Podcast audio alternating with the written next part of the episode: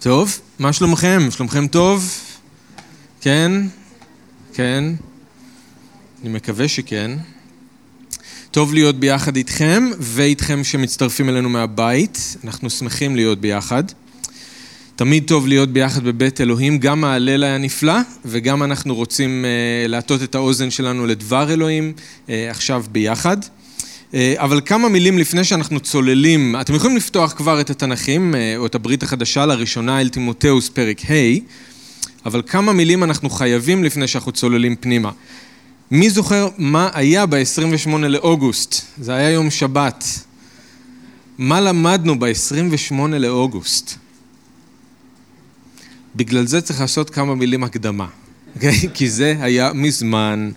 זה היה ראשונה לתימותאוס פרק ה', ואנחנו היום חוזרים אל הראשונה אל תימותאוס, אבל זה, מאז ה-28 באוגוסט לא דיברנו על זה. היו חגים, ואז מלחמה רוחנית, ועכשיו אנחנו חוזרים לראשונה אל תימותאוס. בסדר? אז כמה אה, מילים רק להזכיר לנו במה מדובר. ודרך אגב, יכול להיות שחלק מכם, אני חושב שחלק מכם בכלל לא הייתם איתנו כשהתחלנו את הסדרה.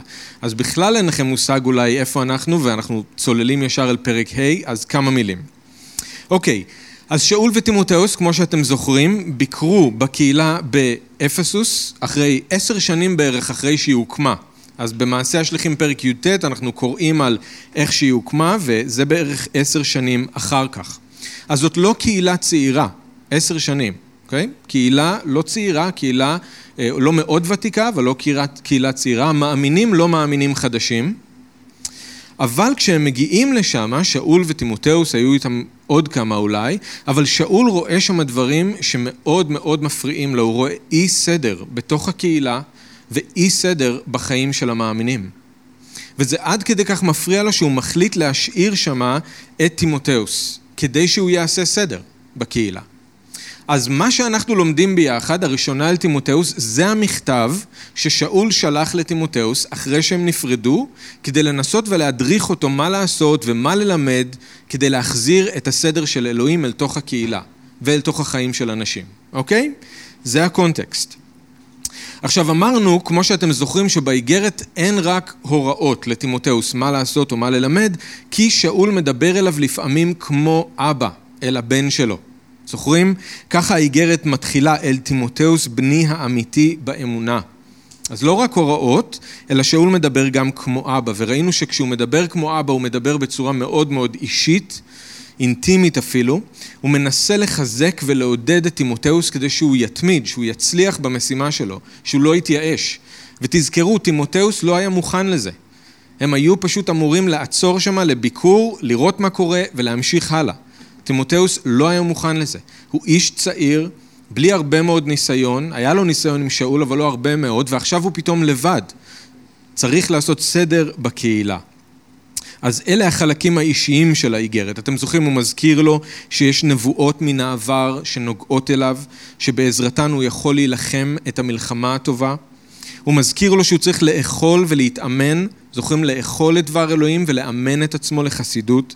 הוא מפציר בו לא להזניח את המתנה שנמצאת בו והוא צריך להשגיח על עצמו ועל ההוראה. זוכרים את כל הדברים האלה? יש עוד, אבל אלה הדברים שהוא אמר לו כאבא. ואז ראינו ששאול כן מדבר כמו שליח בתוך האיגרת הזאת, ואז הוא נותן לטימותאוס הוראות. איך להביא סדר בחזרה אל הקהילה, להחזיר את כולם למסלול. אז דיברנו על הלימוד בקהילה. שאול אומר שהבשורה חייבת להיות במרכז. והיו שם אנשים שהתחילו ללמד דברים אחרים, והוא אומר לטימותאוס, אתה חייב לעצור את האנשים האלה, הם חייבים להפסיק ללמד בקהילה. הם מזיקים לאנשים, הם מזיקים לאמונה שלהם, הם חושבים את עצמם למורים, הם רוצים להיות מורים, נותנים להם גם את המקום להיות מורים, אבל הוא אומר, טימותאוס, אתה חייב לעצור אותם, שיפסיקו ללמד. זוכרים שדיברנו על תפילה? תימותאוס צריך ללמד אותם להתפלל בעד כל בני האדם, במיוחד בעד ראשי שלטון, כי מסתבר שהם התחילו להיות קצת סלקטיביים בתפילות שלהם. הם התפללו, אבל לא בשביל כולם. דיברנו גם על ההתנהגות של הנשים והגברים בקהילה. זוכרים? הגברים צריכים לשים לב שהם לא מעוררים כעס ומחלוקת בתוך הקהילה. הנשים צריכות לשים לב שהן לא משתמשות במראה החיצוני שלהן כדי למשוך תשומת לב. דיברנו גם על האיזון הנכון בין הגברים לנשים בתוך הקהילה, ככל שזה נוגע ללימוד של דבר אלוהים או למידה של דבר אלוהים. ואז השקענו לא מעט זמן בהנהגה של הקהילה. מי יכול להיות מנהיג, מי יכול להיות שמש או מי יכולה להיות שמשית, אוקיי? אז הקטע האחרון שלמדנו ביחד היה פרק ה', פסוקים 1 עד 3, זה היה ב-28 לאוגוסט, מזמן, מזמן. דיברנו על היחס הנכון בין חברי הקהילה. אמרנו שהקהילה היא בעצם כמו משפחה. יש נשים, יש גברים, יש מבוגרים, יש גם צעירים, וכולנו צריכים לדעת איך להתייחס בכבוד אחד לשני. במיוחד תימותאוס, שהוא היה אדם צעיר, הוא היה מנהיג שמה, הוא צריך לדעת איך להתאים את עצמו לכל אחד וכל אחת. אל תגער בזקן כי אם מפצר בו כאב. פנה לצעירים כאל אחים, אל הזקנות כאל אמהות, אל הצעירות כאל אחיות במלוא התואר, כבד את האלמנות שהן אכן אלמנות. אוקיי? אז כאן אנחנו עצרנו.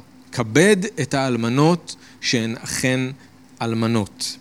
אז גם בתחום של הסיוע לאלמנות בקהילה, היה צריך לעשות סדר. ובזה אנחנו מתחילים לעסוק היום. אנחנו נדבר על זה השבוע היום ונדבר על זה בשבוע הבא. אוקיי? זה מפסוק שלוש עד שש עשרה. אז תכף נקרא אה, פסוק שלוש עד שמונה, זה החלק שלנו להיום. יש לכם את זה גם בעדכון השבועי שקיבלתם.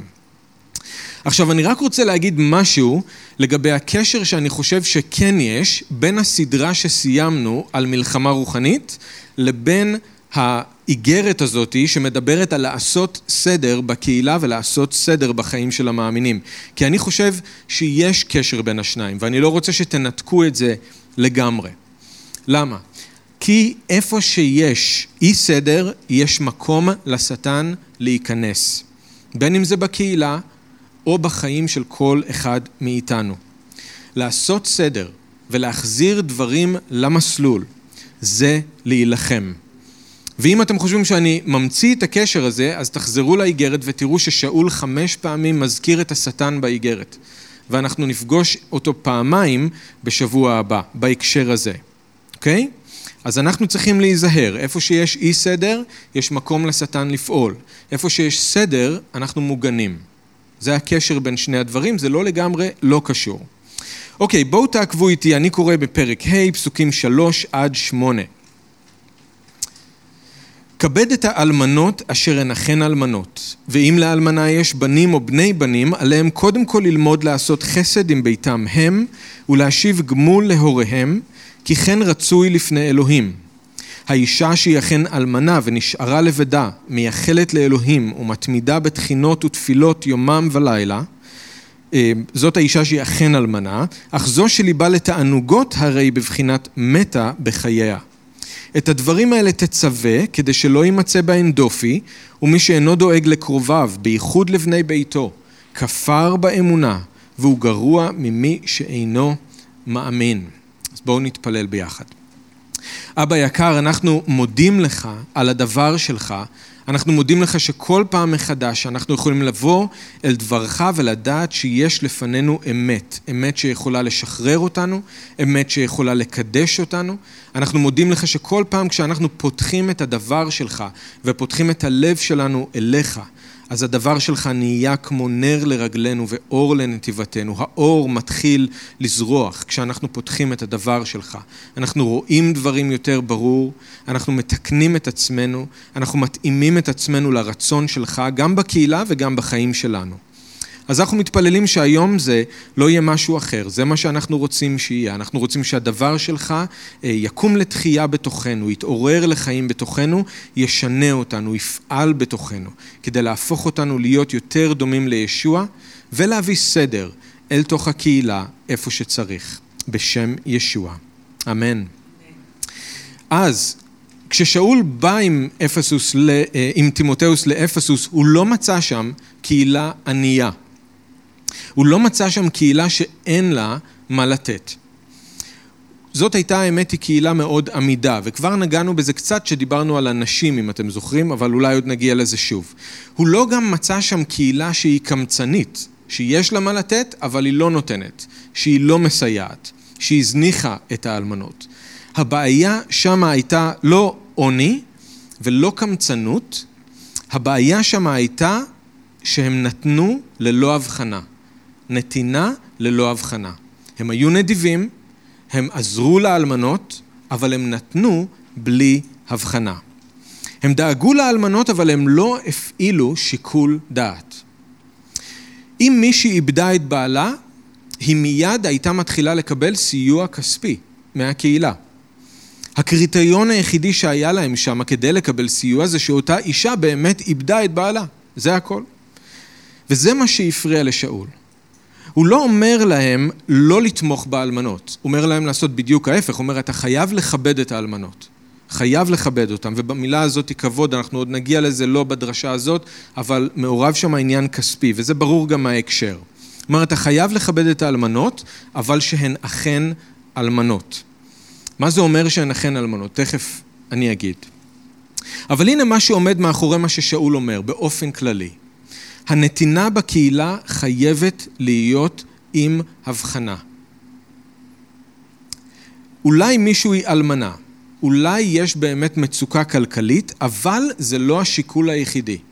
צריך להיות משהו מעבר. ולמה?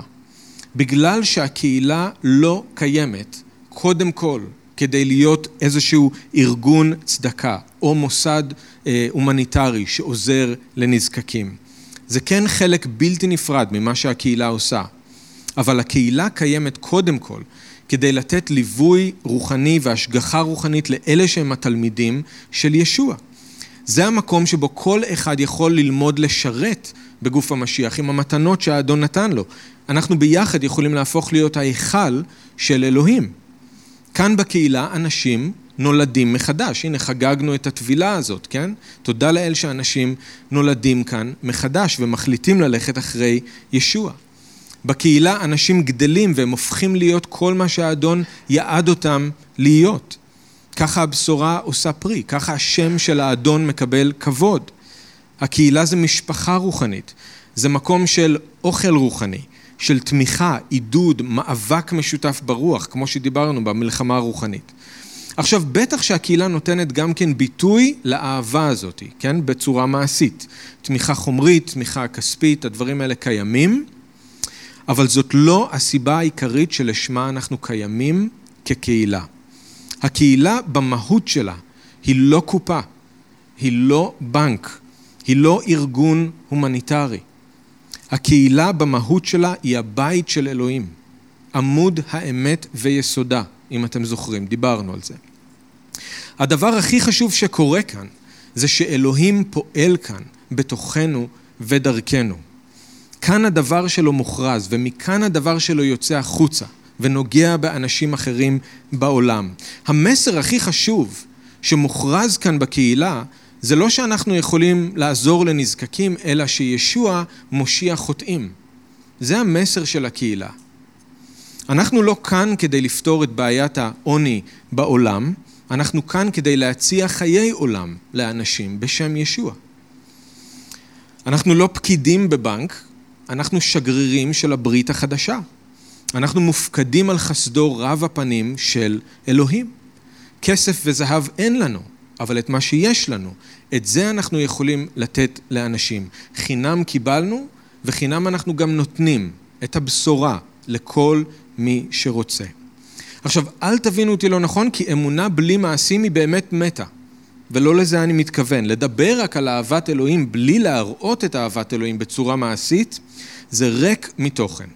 אנחנו חייבים לעזור לנזקקים, וקודם כל לנזקקים שהם בתוכנו, בתוך הקהילה. מי שאומר שהוא מאמין ומתעלם מהצורך שקיים סביבו, מה האמונה שלו שווה? אם אנחנו אוהבים רק במילים, אז איזו מין אהבה זאת? אנחנו כן רוצים לעזור וכמה שיותר, ואנחנו באמת עושים את זה כאן. אנחנו מתנדבים, אנחנו עוזרים כל הזמן אחד לשני, זה נפלא לראות. כשמישהו צריך משהו, אתם מתנדבים, אתם, חברי הקהילה, בכרם אל.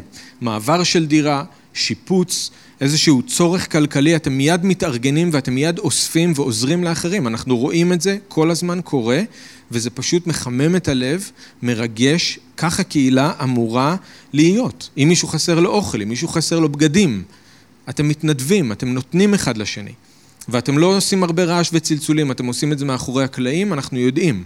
אתם עוזרים כל הזמן אחד לשני, וזה פשוט נפלא. וכמו שאתם יודעים, חלק לא קטן מהתקציב השנתי שלנו בקהילה מוקדש בדיוק לזה, לעזור לחברי קהילה שנמצאים במצוקה כלכלית. אז כל שנה השמשים מחלקים משהו בסביבות 20 אלף שקל, אני חושב שאולי אפילו יותר, לנזקקים בתוך הקהילה. כל שנה. השמשים מחלקים משהו כמו 20 אלף שקל לנזקקים. וזה מהתרומות שאתם נותנים, זה לא מישהו אחר. זה התרומות שאתם נותנים, זה הולך לנזקקים בקהילה. אבל בגלל שאנחנו במהות שלנו לא בנק אלא בית אלוהים, אנחנו לא יכולים לעזור לכל אחד בלי הבחנה. אנחנו לא רוצים לראות אף אחד חי בעוני, אבל אנחנו יותר מזה לא רוצים לראות אף אחד חי בחטא. בשביל זה אנחנו קיימים, כדי להביא לאלוהים כבוד. אנחנו רוצים יותר מכל שהשם של ישוע יפואר בכל מקום, דרך החיים של כל אדם, כל אחד מכם. וגם שאול, אנחנו נראה בסוף האיגרת, אנחנו נגיע לזה בסוף האיגרת, הוא אומר לעשירים בקהילה, אתם צריכים להיות נדיבים, אתם צריכים לתת, אתם צריכים להעשיר במעשים טובים. אז גם שאול אומר, בהחלט צריכה להיות עזרה לנזקקים בתוך הקהילה. אבל אסור שזה יהפוך להיות הדבר המרכזי.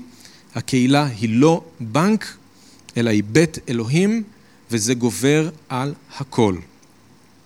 אז שאול אומר לטימותאוס, כבד את האלמנות, תתמוך באלמנות, אבל תוודא שהן אכן אלמנות. וכאן נכנסת לתמונה, של, לתמונה ההבחנה. יש אלמנות ויש אלמנות, מסתבר. המוות של הבעל הוא לא הקריטריון היחידי שצריך להתחשב בו, כשהתמיכה לפחות באה מהקהילה. אז אה, כמו שאתם יודעים לגבי האלמנות, אני לא צריך להגיד לכם את זה, רק מילה לגבי האלמנות באופן כללי, ואז אני רוצה לחזור למה ששאול אומר כאן. אתם יודעים שהאלמנות תמיד היו הקבוצה הכי חלשה בחברה. Okay? אוקיי? מצטרפים אליהם ביחד היתומים, אה, וסטפן הזכיר את זה, ולכן אנחנו גם נעסוק בלאסוף את הצעצועים האלה, או לשלוח מתנה כספית כדי לתרום ולעזור, אבל יתומות, אה, יתומים, אלמנות, גרים. עכשיו, אתם גם יודעים שבזמן ההוא לא היה ביטוח לאומי, ולא הייתה קצבה, ולא היו ארגוני צדקה או כל מיני עמותות שעזרו. אז אישה שהתאלמנה, היא באמת נשארה בלי כלום. לגמרי בלי כלום, היא הייתה תלויה לחלוטין בתרומות של אחרים, וככה גם ילדים שאיבדו את ההורים שלהם.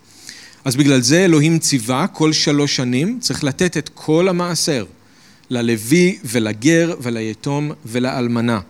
במשך השנה, כשאנשים היו קוצרים בשדה, או כשהם היו אה, עושים את המסיק של הזיתים, או כשהם היו קורמים או בוצרים את הכרם, הם היו צריכים בכוונה להשאיר קצת.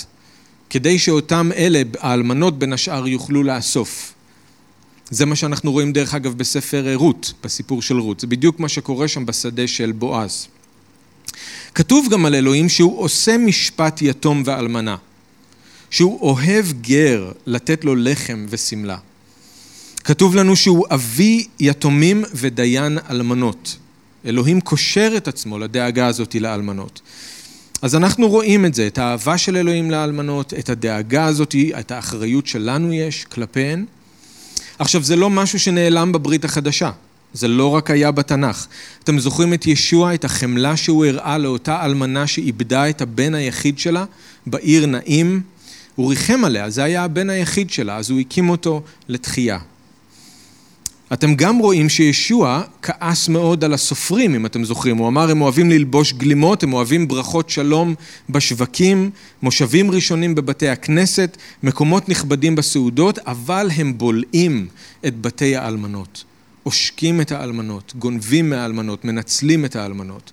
ואתם גם רואים שישוע משבח את האלמנה הענייה שנתנה שתי פרוטות, הוא אומר, היא נתנה יותר מכולם. אחרי התחייה של ישוע אנחנו רואים שהקהילה ממשיכה לתמוך באלמנות. יש לנו את מעשה השליחים פרק ו', נכון? שם אנחנו רואים התארגנות מאוד מהירה. זה רק ראשית ימי הקהילה וכבר נותנים יום יום תמיכה לאלמנות. וזה נהיה פרויקט עד כדי כך מורכב וגדול שהיו צריכים את השמשים כדי לנהל את כל הדבר הזה. יעקב כותב באיגרת שלו, זאתי עבודת אלוהים טהורה ותמימה לפני אלוהים אבינו, לפקוד את היתומים והאלמנות בצרתם, ולהישמר נקי מטומאת העולם. ובקטע שלנו, אנחנו רואים גם באפסוס, הם היו מאורגנים על עזרה לאלמנות, זה משהו שהיה שם, Okay? אוקיי? אז האלמנות תמיד היו קרובות ללב של אלוהים, גם בימי התנ"ך, גם בברית החדשה, זה נכון גם בימינו. ויש בינינו לא מעט אלמנות בתוך הקהילה, שזקוקות לתשומת לב מיוחד מאיתנו. זה נכון שיש ביטוח לאומי ויש קצבה ומבחינה כלכלית זה לא אותו סיפור, זה נכון, אבל תחשבו על זה שנשים שאיבדו את הבעל שלהן עדיין צריכות את התמיכה של הקהילה. אולי מבחינה כספית הן מצליחות לשרוד, וגם זה בקושי, הרבה פעמים, אבל גם אם כן, הכסף לא יכול לפצות על התחושה של הבדידות, על התחושה של האובדן, על הריקנות. הכסף לא משנה את העובדה שהן מרגישות מאוד פגיעות בלי בעל. ככה גם עם היתומים, ילדים שאיבדו אחד מההורים שלהם, או את שניהם. ילדים כאלה גדלים עם כאב מאוד גדול ועם חוסר מאוד גדול, וגם כאן הקהילה צריכה לדעת איך לתמוך בהם. ואני מחשיב כאן גם את המשפחות החד-הוריות, שגם יש בינינו בתוך הקהילה. גם ההורה, בדרך כלל זאת אימא, האבות פחות נאמנים לצערי מהאימהות, האימהות בדרך כלל אלה שנשארות, האבות בורחים, אז בדרך כלל זאת האימא שצריכה להישאר לבד לגדל את הילדים, ואז יש את הילדים שלרוב גדלים בלי אבא. כן? אנחנו צריכים לשים לב לזה בתוך הקהילה. יש עוד קבוצות של אנשים שמתמודדים עם כל מיני מצבים כאלה בתוך הקהילה. אנחנו צריכים כאחים ואחיות שלהם למצוא את הדרך לתמוך ולעזור. ואני יודע שבכרם אל יש מודעות. יש מודעות לזה ואנחנו עושים לא מעט. אנחנו גם, אתם יודעים, כל הזמן משתפים פעולה עם אריק פלד ואנחנו מנסים להיעזר בו כדי לתמוך אה, בדיוק באנשים האלה. אבל אני רוצה לעודד אתכם, אני רוצה לעוד, אני מעודד את עצמי, אני מעודד אתכם, כולנו ביחד, בואו ננסה לעשות אפילו יותר. בואו ננסה להשתפר אפילו יותר. בואו נשאל את עצמנו, מי האלמנות, מי היתומים, משפחות חד-הוריות, ילדים, מי יש לנו בתוך הקהילה שאנחנו יכולים להשקיע יותר בלתמוך בהם ולעזור להם, אוקיי? טוב, כבד את האלמנות שהן אכן אלמנות, נתינה עם הבחנה. אז שאול אומר לטימותאוס, הקהילה חייבת לתמוך באלמנות, אתה צריך לבדוק שהן אכן אלמנות או אלמנות באמת. למה הוא מתכוון? לא היו שם, הכוונה היא לא לנשים שהמציאו שהן אלמנות והן לא באמת אלמנות. באו ואמרו הבעל שלי מת והבעל לא באמת מת. זאת לא הכוונה, הם לא המציאו שהן אלמנות, כל הנשים בקהילה שהיו אלמנות וקיבלו סיוע, באמת היו אלמנות, איבדו את הבעל שלהן. אבל בגלל שהתמיכה באה מהקהילה, וכמו שאמרנו, הקהילה היא לא בנק, אלא בית אלוהים, זה לא מספיק רק שהבעל מת. זה לא הקריטריון היחיד. האלמנה, ואתם יכולים להסתכל בפסוק חמש, האלמנה שהיא אכן האלמנה, שהקהילה צריכה לתמוך בה, היא זאת שנשארה בלי משפחה בכלל. היא נשארה לבדה, ושהיא מסורה לאדון. היא מייחלת לאלוהים ומתמידה בתחינות ותפילות יומם ולילה. אז שאול עוד ייכנס לפרטים קצת יותר ואנחנו נראה את זה בשבוע הבא, אבל קודם כל הוא אומר שני דברים בסיסיים שבלי זה האלמנה לא יכולה לקבל סיוע מהקהילה. דבר אחד, חייב להיות שהיא נשארה לבד לגמרי. אין אף חבר, אין קרוב משפחה, אין חברי משפחה, קרובי משפחה שיכולים לעזור לה, היא לבד לגמרי. שתיים, היא מסורה לאדון.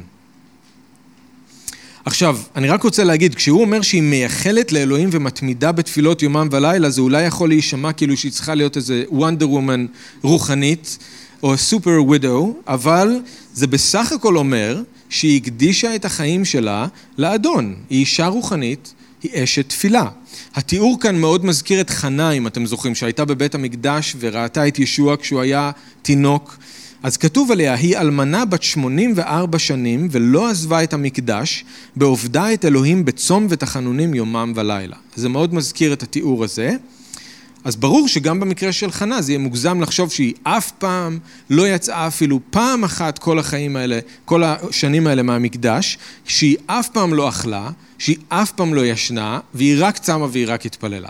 מקווה שאף אחד מכם לא מבין את זה ככה, לא זאת הכוונה, היא אישה אלמנה שהתמסרה לאדון, והיא הייתה אשת תפילה, ובמקרה הזה שלה היא הייתה גם נביאה. אז כששאול אומר לטימותאוס, תבדוק שהאלמנה היא אכן אלמנה, הוא לא מתכוון שאולי היא משקרת ובעלה לא מת, הוא מתכוון שצריך לבדוק אם היא באמת נשארה לגמרי לבד, ואין מישהו שיכול לעזור לה, ואם היא מסורה לגמרי לאדון. ותראו את ההפך בפסוק 6. יש אלמנות בקהילה שהן לא נחשבות אלמנות באמת מבחינת הקהילה.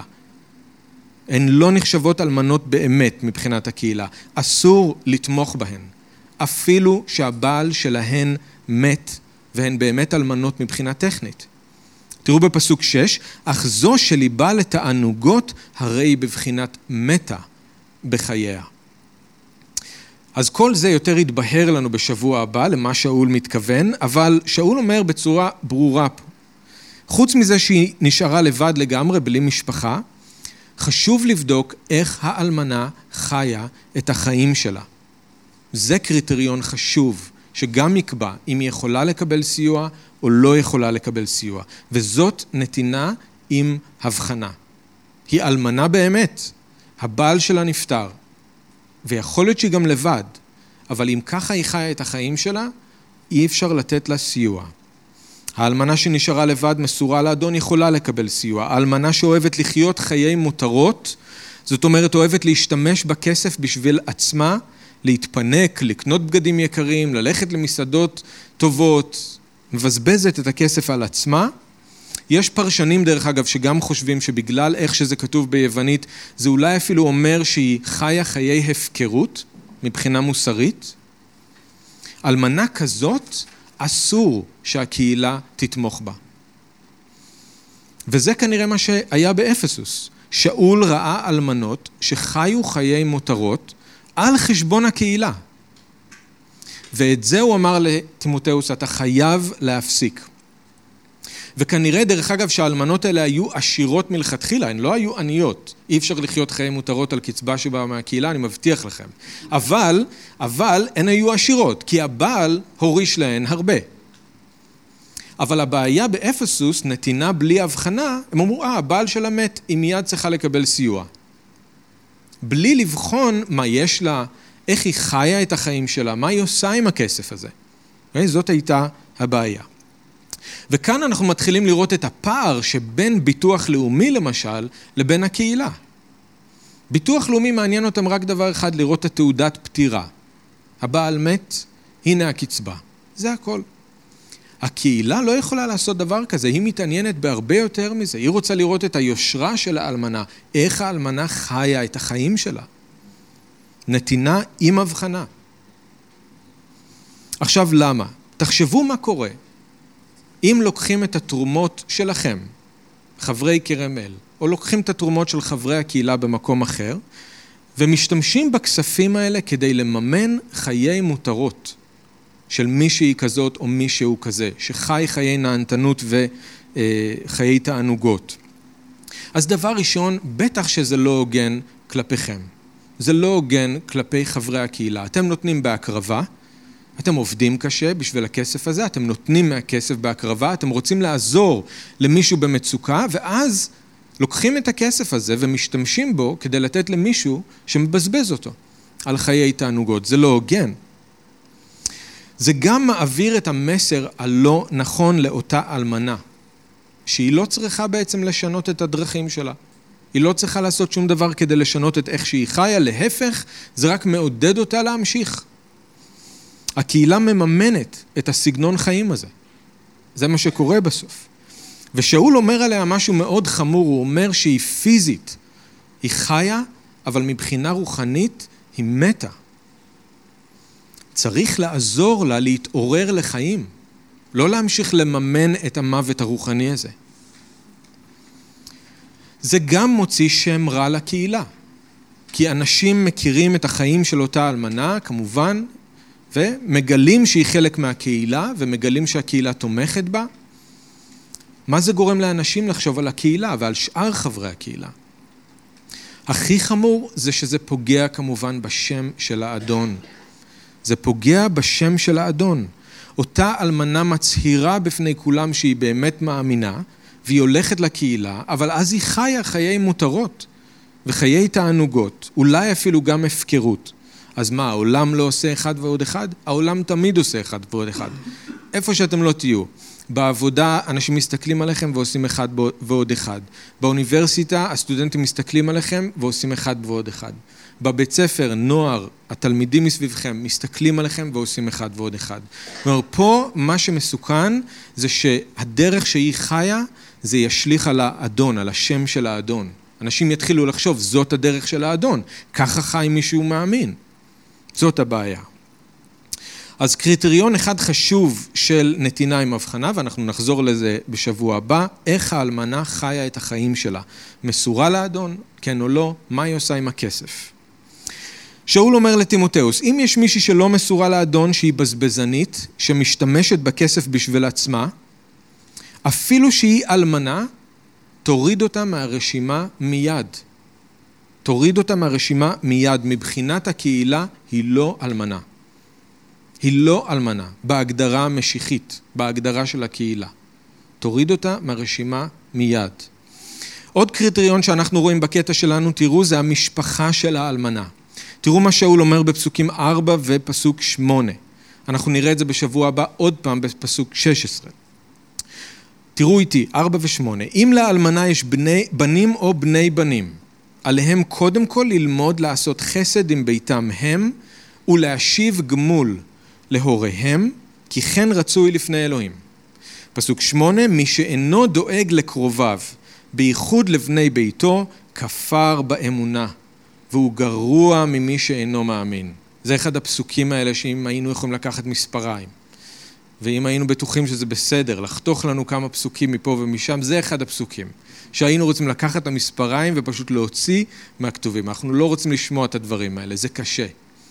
אבל מי שלא דואג מי שלא דואג לקרוביו, בייחוד לבני ביתו, כפר באמונה. הוא גרוע ממי שאינו מאמין. אוקיי, אז עוד מישהי שטימותאוס צריך מיד להוריד מהרשימה, זה את אותה אלמנה שמקבלת סיוע מהקהילה, כשבעצם יש לה קרובי משפחה שיכולים לסייע לה. אז אם יש לה ילדים או נכדים, שאול אומר שזאת האחריות שלהם לדאוג לה.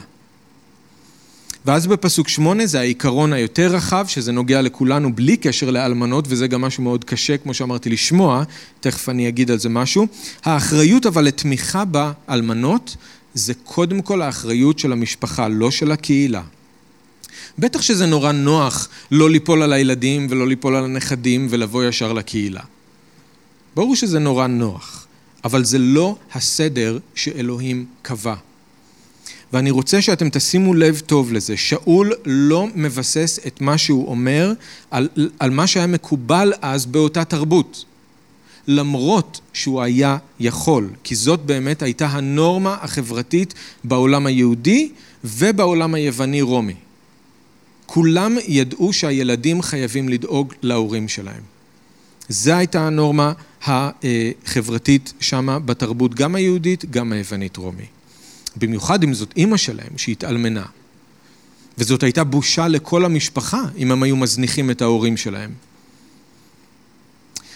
אבל במקום לבסס את זה על התרבות, למרות ששאול היה יכול, הוא מבסס את מה שהוא אומר על הסדר שאלוהים קבע. למה? כי זה בדיוק מה שטימותאוס אמור לעשות באפסוס. הוא אמור להביא את הסדר של אלוהים לתוך הקהילה ולחיים של המאמינים. הוא צריך להחזיר את הקהילה למסלול. לפי הדרך של אלוהים, לא לפי הדרך של התרבות. אז תראו בפסוק 4, הילדים או הנכדים צריכים ללמוד לעשות חסד עם ביתם הם ולהשיב גמול להוריהם. תשימו לב על מה הוא מבסס את זה, כי כן רצוי לפני אלוהים. לא כי זה מה שמקובל, באפסוס, או כי זה מה שנהוג בירושלים. זה רצוי לפני אלוהים, זה הרצון של אלוהים, זה הסדר של אלוהים, שהילדים ידאגו להורים שלהם, במיוחד בעת זקנה. זה הרצון של אלוהים. זה לא קשור לתרבות. התרבות משתנה כל הזמן, ערכים משתנים כל הזמן. ובימינו זה כבר לא כל כך נהוג לחשוב שהאחריות היא על הילדים לדאוג להורים שלהם. לא, זאת האחריות של ביטוח לאומי. זאת האחריות של המדינה, זאת האחריות של הפנסיה, האחריות של בית אבות, האחריות של דיור מוגן. עכשיו, שלא תבינו אותי לא נכון, אני מודה לאלוהים על כל הדברים האלה, תודה לאל שיש לנו אותם, ואין שום בעיה גם שההורים שלנו בסופו של דבר יעברו לדיור מוגן או לבית אבות כמו אבן העזר. אבל זה לא מוריד מעלינו הילדים או מעלינו הנכדים את האחריות שיש לנו כלפי ההורים שלנו או הסבים והסבתות שלנו. וזה לא קשור לתרבות.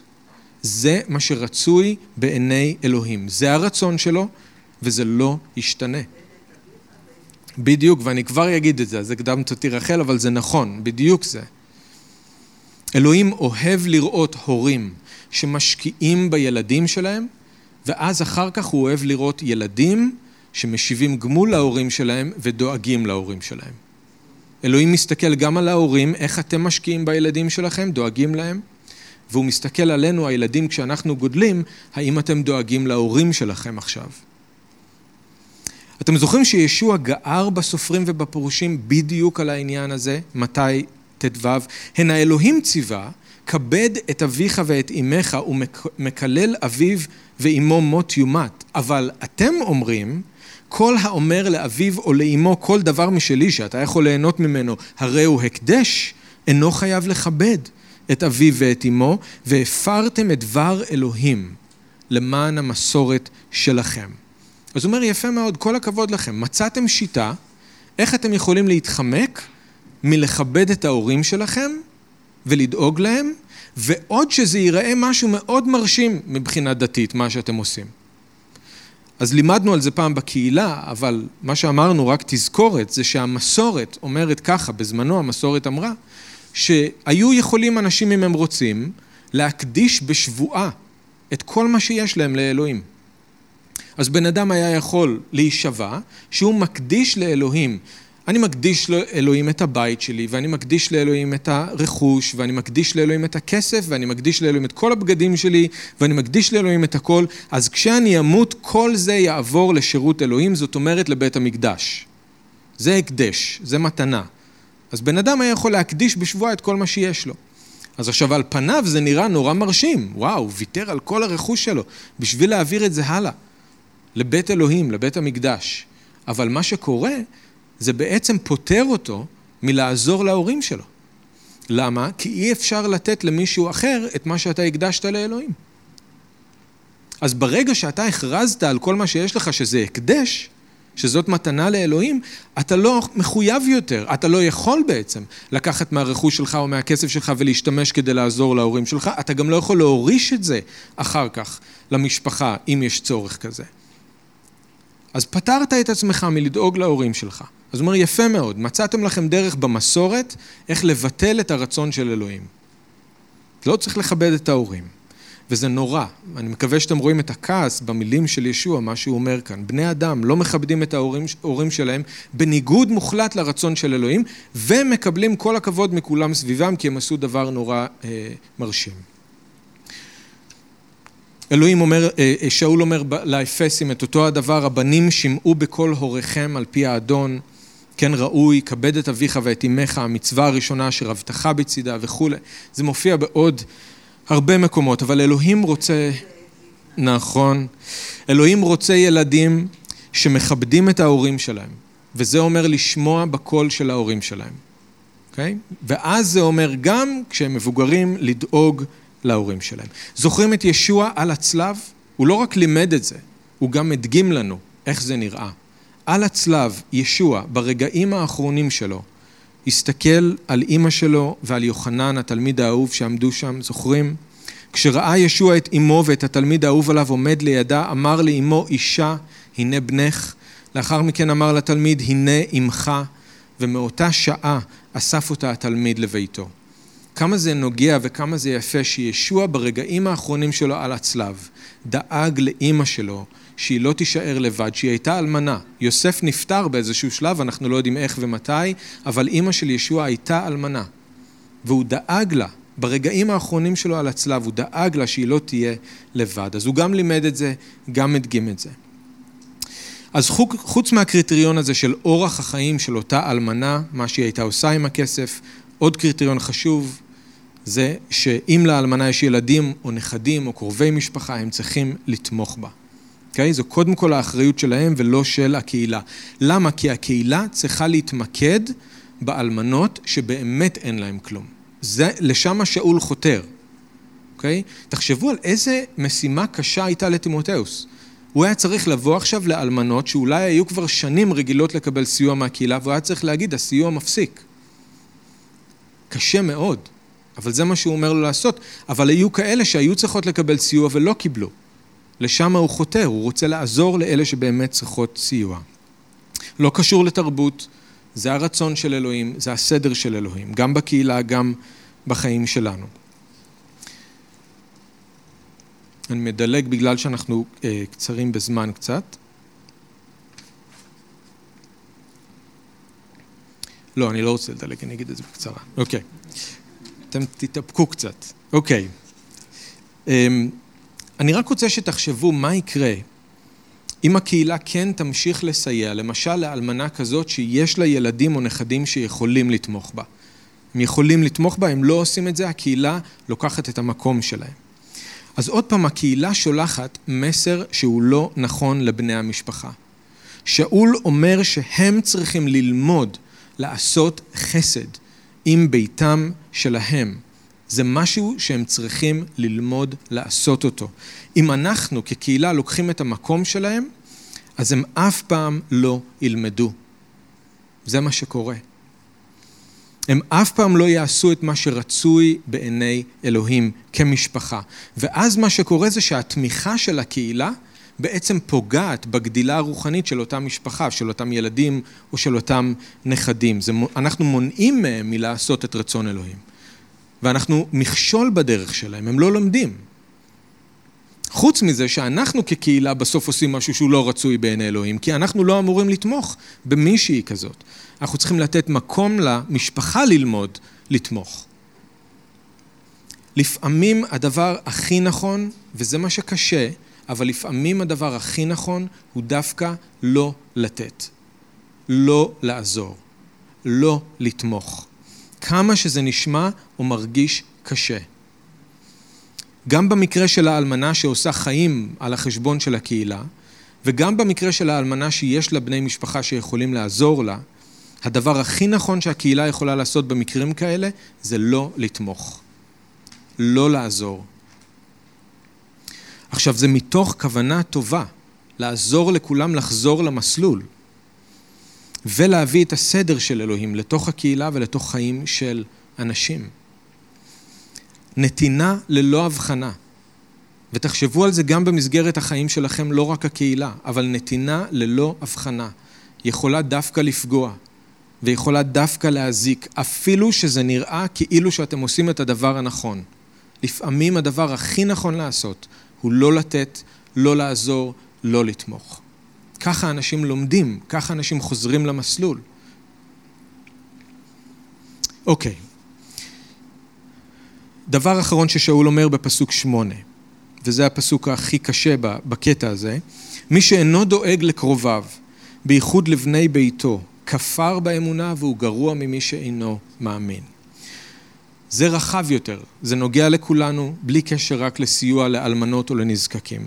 מי שחושב שהוא יכול לקרוא לעצמו מאמין, ובאותו זמן להזניח את המשפחה שלו, ובמיוחד את אלה שחיים תחת אותו, אותה קורת גג איתו ביחד, פשוט מאוד מרמה את עצמו. נכון שאולי במילים הוא מצהיר על עצמו שהוא מאמין, אבל במעשים הוא כופר באמונה. הוא מתנהג בצורה יותר גרועה ממי שהוא לא מאמין. למה שאול אומר את זה? כי אפילו הפגאנים באפסוס לא היו מזניחים את ההורים שלהם. אז אתם מתנהגים בצורה יותר גרועה מאלה שהם לא מאמינים, אם זה מה שאתם עושים. בעלים שלא יוצאים לעבוד כדי לפרנס את המשפחה שלהם, הורים שלא דואגים לצרכים של הילדים שלהם, וזה כולל כאלה שלא משלמים דמי מזונות, ילדים בוגרים שיכולים לעזור להורים שלהם ולא עוזרים, כל אלה כפרו באמונה והם גרועים ממי שאינו מאמין. זה עד כדי כך חמור בעיני אלוהים. אסור לקהילה לעודד התנהגות כזאת, אף פעם. מי שרוצה לקבל סיוע בשבילו או בשביל המשפחה שלו, חייב קודם כל להיות בטוח שהוא עושה את כל מה שהוא יכול לעשות כדי לדאוג למי שנמצא תחת החסות שלו, וזה מה שרצוי בעיני אלוהים. עכשיו, רק להבהיר, זה לא אומר שאנשים כאלה לא יכולים לחזור בתשובה ולתקן את עצמם, ממש לא. תראו שבפסוק שבע שאול אומר, את הדברים האלה תצווה כדי שלא יימצא בהן דופי. והתרגום כאן הוא בעייתי כי זה אמור להיות בהם, לא בהן. זה לא מדבר על האלמנות, זה מדבר בעיקר על הילדים והנכדים, על בני המשפחה. אז שלא יימצא בהם דופי. אז תימותאוס צריך ללמד את הדברים האלה כדי לתקן אותם, כדי שהם יוכלו לבוא לידי תיקון, כדי שלא יהיה בהם דופי. הם יכולים לחזור בתשובה, הם יכולים לתקן את עצמם, וזה מצוין. אנחנו לא אומרים שמישהו כזה הוא פסול, אלא מישהו כזה צריך תיקון, אוקיי? טוב, אנחנו נעצור כאן ונמשיך בשבוע הבא עם שאר הקטע, ואני רוצה שאנחנו נראה עוד מה אנחנו יכולים ללמוד לגבי נתינה עם הבחנה, והסכנה שיש בנתינה בלי הבחנה. אני רוצה להשאיר אתכם עם כמה שאלות למחשבה ותפילה, ואז אנחנו עוברים לסעודת האדון. לאור כל מה שאמרנו, וזה גם יהיה נכון לגבי שבוע הבא, מה שאנחנו עוד נגיד, איפה בחיים שלכם עכשיו אולי אתם צריכים לבדוק את הרגלי הנתינה שלכם? האם אתם נותנים עם הבחנה, או שאולי יש מקום לעשות קצת שינויים? האם הנתינה שלכם אולי מעודדת הרגלים לא טובים אצל אחרים. אולי מה שיהיה דווקא הכי נכון זה להפסיק את הנתינה שלכם איפשהו. האם אתם דואגים למי שנמצא תחת החסות שלכם? למשפחה שלכם ובמיוחד מי שגר איתכם. ואם אתם כן מקבלים תמיכה מהקהילה הכספית, איך אתם משתמשים בכסף? איך אתם חיים את החיים שלכם?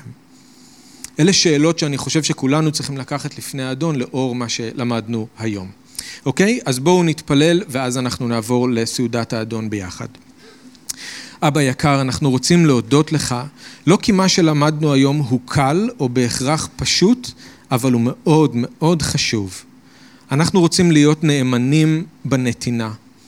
וכן, לפעמים אנחנו אולי צריכים ללמוד להיות נדיבים יותר, כי קשה לנו לתת, אבל לפעמים זה ההפך, אנחנו נותנים יותר מדי ובלי הבחנה. ואנחנו צריכים שתעזור לנו, שתמלא אותנו בחוכמה מלמעלה. וכשאנחנו נותנים, שזה יהיה בצורה כזאת שמביאה לך כבוד, שעוזרת לאנשים לחזור למסלול. אנחנו מתפללים שתעזור לנו להיות קהילה כזאת שיודעת לתת, אבל עם הבחנה. אנחנו מודים לך שאתה כל כך ברור אלינו, כל כך מאיר את הדרך, ואנחנו מבקשים ממך פשוט עזרה לציית לך. תודה, אדון, בשם ישוע. אמן.